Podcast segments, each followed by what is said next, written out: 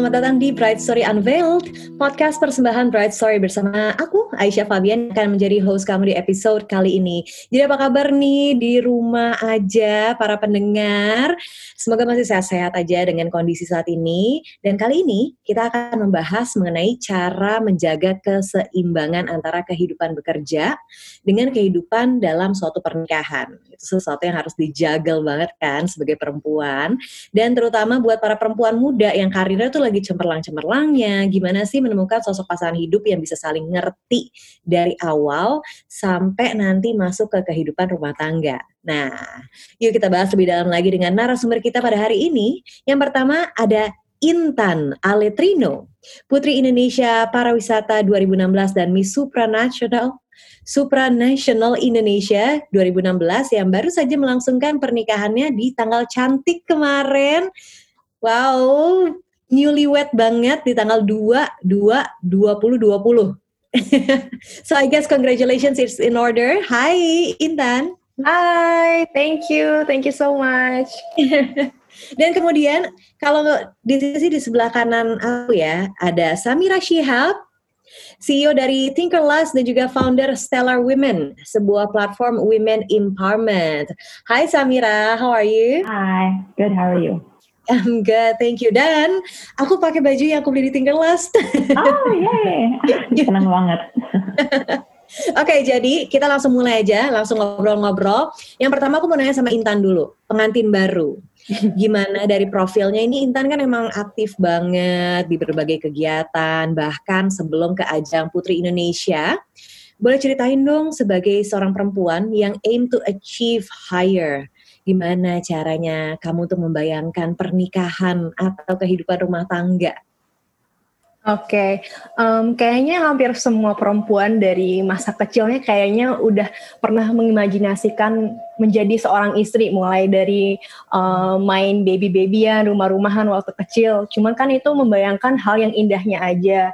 Cuman aku dari uh, beranjak dewasa memang merasa bahwa pernikahan itu bagi aku bukan first goalnya aku. Jadi aku ngerasa bahwa aku harus set my dreams first before I jump into a marriage gitu. Jadi memang uh, aku sengaja lebih aktif waktu masih lajang dulu sehingga apa ya uh, lebih settle down aja mulai dari uh, hobi, mulai dari karir dan juga pendidikan. Kayak kemarin aku dapat kesempatan buat nyelesain S2 sebelum menikah, ya aku ngerasa sebaiknya aku selesaikan kewajiban itu dulu gitu loh sebelum menikah dan ketika aku ngerasa bahwa karir udah seperti apa yang aku inginkan pendidikan dan kewajiban aku juga udah aku tunaikan. Nah baru setelah itu aku benar-benar merasa mantap buat menikah. Dan imajinasi aku ya dari dulu simple sih. Pernikahan adalah sesuatu yang harusnya membuat kita lebih bahagia dan um, menjadi menjadi next stage of life dan harus membuat kita lebih baik, bukan lebih buruk. Karena kalau kita menikah dan membuat diri kita tidak lebih baik dari sebelumnya, yang menurut aku sih lebih baik jangan menikah. So aku simply begitu aja sih dari dulu pemikirannya. Oke, jadi dimantepin dulu sebagai seorang perempuan ya, your fairy tale itu di depan dulu, baru belakangnya adalah emang menikah happily ever after itu dia ya. Iya harus sih apalagi di zaman sekarang kan kayaknya nggak ada ya istilah kayak perempuan harus di rumah aja masak gendong anak and then your life is over gitu. Sayang gitu kan orang tua kita capek-capek nyekolahin kita terus we do nothing with it gitu loh. Jadi memang buat aku itu penting banget sih kita sebagai perempuan tuh mantepin diri dulu baru deh menikah. Dan pasangan juga pastinya adalah cerminan kita juga kan dan itu akan membuat kita lebih baik juga gitu. Oke, okay, sekarang kita ke Samira. Ini kalau misalnya kita lihat Stellar Women menyatakan sebagai a destination for every ambitious lady who works tirelessly in attaining their goals. yeah. Mungkin seperti Intan tadi ya. Jadi udah menceritakan gimana perjalanan karirnya dulu, mau mantap yeah. sama dirinya dulu sendiri. Nah, sebenarnya perempuan ambisius kan tentu aja ada yang punya keinginan untuk membangun rumah tangga bersama pasangan yang tepat dan kadang ini nggak mudah buat mereka. Jadi sebenarnya sumber isunya tuh gimana dan apakah dengan gantinya era hal ini jadi semakin jarang atau lebih sering malah ditemukan? sebenarnya maybe I can give you some context dulu. I, so I've been married udah 10 tahun. Jadinya tahun ini udah 10 tahun. Aku malahan ceritanya beda banget sama Intan. Um, aku menikah muda, umur 23, terus abis sebelum S2. Jadinya abis nikah baru S2 baru we started our companies gitu. So I, I really think it doesn't matter um, what stage in life you are, tapi as long as you have that inner fire within you, and pasangannya itu kayak is your fuel, you know, bukan is your hmm. water that that mematikan uh, passion and drive-nya gitu. So I see a lot of women coming, um, especially in the office now. Di Tinkerless kita ber 80 ya, and 70% is women. Many of them, um, kalau misalnya mau nikah atau mau punya anak, they leave their career. And so I feel like malahan, um, it's not about one or the other, tapi it's about balance. And it's also finding a partner that can balance you out juga gitu. I feel like I've accomplished so many of my goals because of my husband gitu. So um, uh, I don't know. I think that there's definitely two ways that you can do it. Yang pertama ya kayak Intan gitu, memantapkan dirinya dulu and reach all of your goals and then find your perfect partner. Atau juga you can find your partner and help you reach those goals together. But I think the two main aspects is number one, communication, and number two is understanding of your goals and your partner's goals. Okay, and isn't it like difficult gitu ya? Apakah gimana kendala-kendalanya antara untuk mengkomunikasikan karir goals um, kalian berdua nih ya kepada pasangan dari sebelum menikah dan memaintain komunikasinya sampai sekarang because communication is like um, the number one key in a relationship yeah. whether you're already in a marriage or sebelumnya gitu. Yeah, I think so. I think it's my goal sebelum um, menikah sama sekarang tuh beda banget. My goal satu tahun yang lalu sama sekarang tuh beda banget. So it's actually about finding a partner um, that has um, the understanding of you and that loves you for who you are kayak I think it's our responsibility to find a partner, you know. And I, that's the thing. Like when we have children, we can't choose how our children are, but we can choose how our partner is. And so I think that's the most important decision that you have in your life is who do you choose as a partner, and that's actually your responsibility. And kalau misalnya kita ngelihat bahwa partner kita juga nggak bisa grow with us, that's where problems arise. But um, unfortunately, we cannot change them. So we have to maybe uh, share through our example or or how we live our life gitu, and then we kind of contribute our passion. Oke, okay, kalau untuk Intan sendiri? Oke, okay, ya kalau aku sih mungkin nggak bisa berbicara seperti pengalamannya Kak Samira ya, yang udah menikah 10 tahun, sementara aku masih seumur jagung tiga bulan. But um, dari masa pacaran pun sebenarnya kita uh, setuju dengan Kak Samira bilang bahwa ya kita bisa memilih partner dan kita harus bisa punya kemampuan untuk menerawang nih, kira-kira kita cocok nggak nih dengan orang ini, cocok nggak untuk bisa sampai jenjang pernikahan dan sampai akhir nanti sama itu orang gitu loh. Dan uh, dari masa pengenalan pun aku rasa bahwa um, partner aku yang sekarang benar-benar menerima aku apa adanya dan yang paling penting itu adalah partner itu bisa membuat kita lebih baik. So banyak sekali situasi-situasi tertentu di mana suami aku sekarang benar-benar kayak encourage me to be better. Kamu coba ini, kamu coba ini dan bukan sebaliknya mematikan karir atau menghentikan langkah-langkah karena banyak sekali contoh nyata di sekitar aku yang begitu gitu loh ketika menikah justru bukan yang berkembang tapi malah sebaliknya yang terjadi. So um, saya rasa sih dalam suatu hubungan memang harus punya keterbukaan. Jadi apa pun disampaikan dan saya rasa apa pun bisa didiskusikan, apa pun bisa diomongin dan um, apalagi kalau kita udah menikah pasti ada prioritas-prioritas tertentu. Ya terkadang mungkin ada waktunya buat kita memprioritaskan keluarga dan kadang juga kerjaan. Tergantung kita memanage waktu kita aja sih sebenarnya. Iya. Seperti katanya Samira tadi ya, um, pasangan itu selayaknya sebagai bensin, sebagai fuel. Mm-hmm. Jadi kita, uh -uh, untuk mensupport juga supaya sang perempuannya jalan terus gitu ya. Iya. Dan kalau misalnya Intan tadi juga ceritanya yang berbeda dengan Samira, Intan itu memulai dari eh, berbagai kegiatannya dari sangat muda dan sekarang baru saja menikah. Gimana kak seimbangannya sekarang apa yang uh, berbeda dirasakan gitu? Meskipun memang suami mendukung banget nih Hmm. Tapi lebih sulit sekarang atau daripada dulu?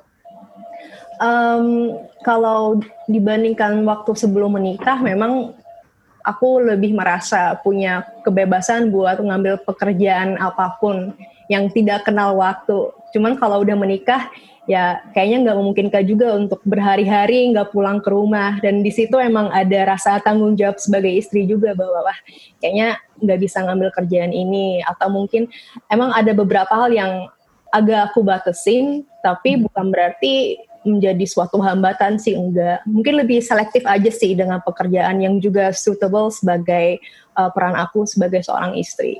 Sih, tapi buat sekarang sih aku nggak ngerasa ada perbedaan yang signifikan ya dari sebelum dan sesudah menikah. Masih berjalan seperti biasa sih.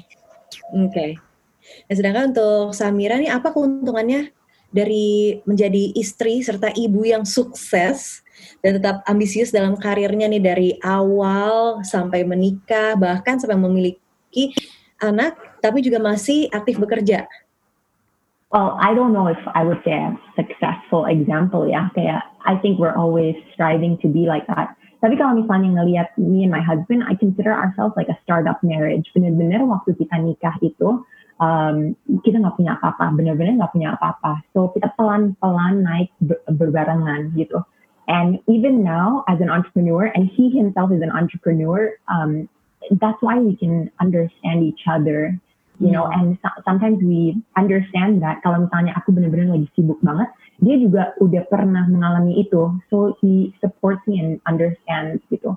Tapi kalau misalnya you say, oh, we're having a successful marriage and a successful business and career, kayaknya it's day by day, just like anybody else. So we're definitely striving to be our best and we're growing. And as long as um, we're better than yesterday, yeah, that's for, for us, that's winning gitu. Dan kerjasama yang baik juga ya, kayak tag team uh, mengurus uh, anak, apalagi lagi WFH seperti ini, jadinya yeah. kedua orang tuanya sibuk. Iya. Iya, bang. Kan ini, ini sebenarnya ruangan dia nih. He has his own study. Tapi kayak I was like, okay, hari ini you, you're out, you're taking care of the kids. So benar-benar saya harus gantian sih. Um, mm. Tapi kayak, uh, yeah, it's it's it's about understanding aja. Dan kadang-kadang it's about empathy. Um, yeah. No understanding that this person is having a hard time and what can I do to help gitu. I really like that word empathy. Itu sih yang emang dibutuhkan banget for every couple, for every even human being, yeah. single human being gitu kan. Mm-hmm. Jadi ya kalau kita sekarang me, pengen tahu gitu, adakah saran-saran dari Intan dan juga dari Samira kepada perempuan-perempuan wanita karir dan aktif di luar sana nih, kayak can you say like two to three essential things apa yang harus mereka tahu kalau pengen mendapatkan pasangan yang tepat dan membangun rumah tangga yang terencanakan dengan baik um, kalau dari aku, and this is what I tell like all of my uh, cousins that are female, I always tell them that your spouse is one of the biggest investments that you have to make.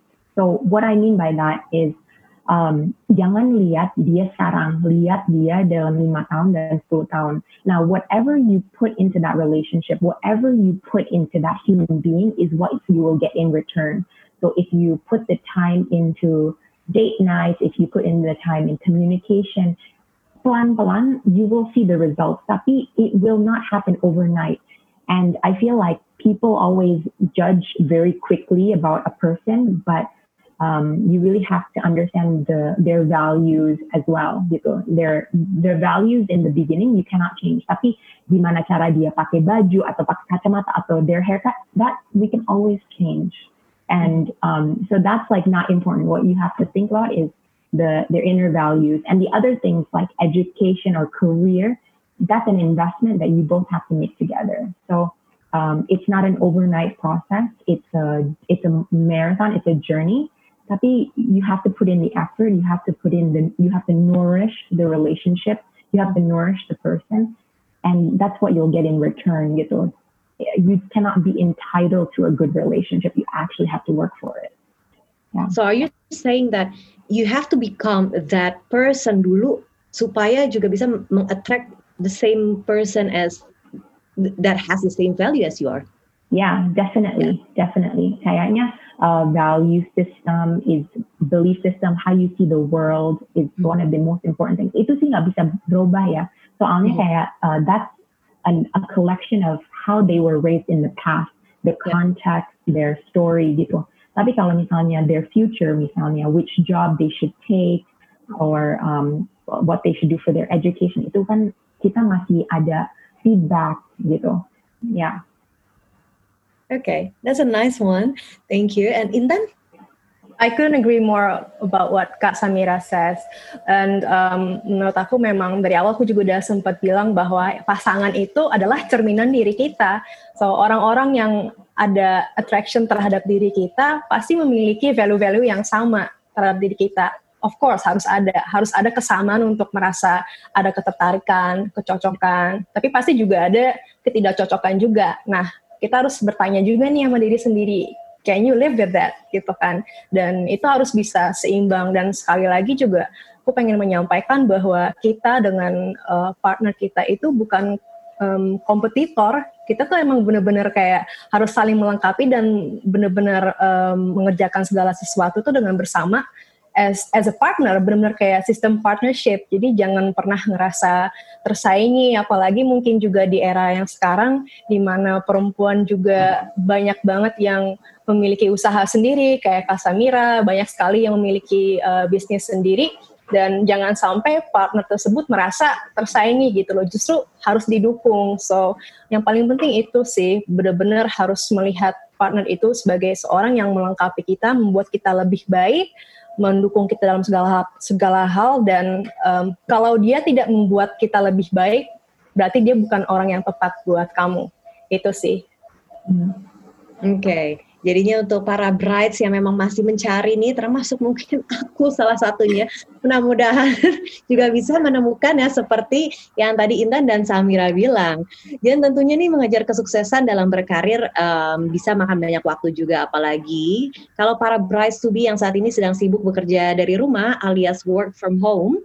Bagi brides yang sedang sibuk-sibuknya WFH plus mempersiapkan pernikahan dari rumah, mungkin kalian bisa uh, ini ceki-ceki juga nih udah aman atau belum, terus meeting dengan WO di luar tuh gimana, atau udah bisa belum ya merencanakan acara resepsi, mendingan gak usah terlalu khawatir karena Brides bisa coba online wedding packages dari Bride Story.